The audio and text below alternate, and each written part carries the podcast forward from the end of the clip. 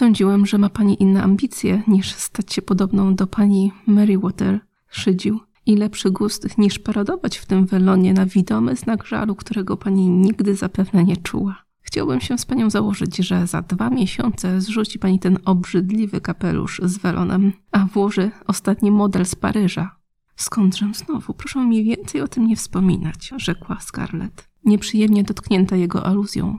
Red, który właśnie wybierał się znowu do Wilmingtonu, a stamtąd za granicę pożegnał ją ze śmiechem. Pewnego letniego ranka w kilka tygodni później znów się zjawił, trzymając w ręku oklejone barwnym papierem pudełko do kapeluszy. Przekonawszy się, że Scarlett jest sama w domu, otworzył je od razu. Owinięty w arkusz bibułki leżał tam kapelusik, model, na którego widok krzyknęła Och, jakież to cudo! i wyciągnęła instynktownie rękę. Odzwyczajonej od widoku nowych rzeczy czepek, ten wydawał się najpiękniejszym kapeluszem, jaki kiedykolwiek widziała. Był z ciemnozielonej tafty, podbity jasnozielonym, surowym jedwabiem. Wstążki do zawiązania pod brodę były szerokie na dłoń i także jasnozielone. Dookoła zaś ronda tego cudeńka wiło się fryzowane strusie pióro. Niech pani go zmierzy, rzekł Red, uśmiechając się do Scarlett. Przebiegła przez pokój w stronę lustra, włożyła kapelusz, odgarniając włosy z uszu, aby widać było jej kolczyki i zawiązała wstążki pod brodą. Jak mi w nim jest? Zapytała, odwracając się do Reta i tak potrząsając głową, aby pióro chwiało się dumnie. Wiedziała jednak, że wygląda ślicznie, zanim ujrzała potwierdzenie tego w jego oczach. Wyglądała prowokująco, a zielona podszewka kapelusza znakomicie podkreślała szmaragdową zieleń jej oczu. Ach, panie Recie, czyj to jest kapelusz? Kupię go w tej chwili. Dam panu za niego wszystko, co mam w majątku.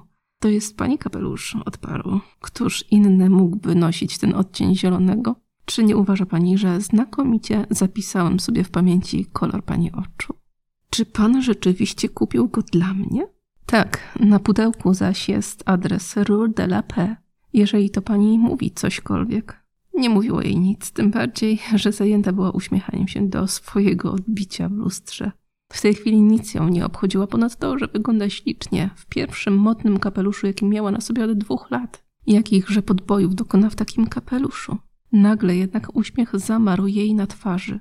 Co się stało? Czy Czebek przestał już się pani podobać? Ach, nie jest cudny, ale ach Boże, ach Boże, jak mi szkoda zakryć krepą ten piękny zielony kolor i pofarbować pióro na czarno.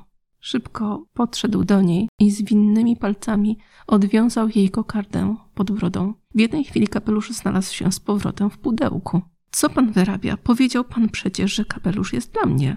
Ale nie po to go pani przywiozłem, aby go pani przefarbowała na żałobny czaprak. Łatwo znajdę inną damę o zielonych oczach, która lepiej oceni mój gust. Och, tego pan nie zrobi, umrę, jeżeli go nie będę miała. Och, proszę pana, niech pan nie będzie wstrętny, proszę mi go zostawić.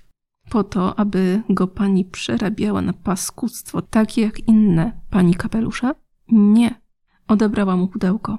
Czy może dopuścić, aby to marzenie, w którym wyglądała tak młodo i rozkosznie, przeszło w ręce innej kobiety? Och, nigdy. Przez chwilę wyobrażała sobie zgorszenie Pity i Melanie.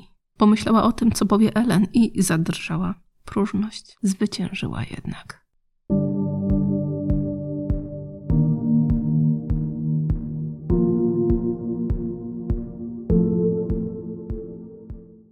Była to książka Przeminęło z wiatrem Margaret Mitchell.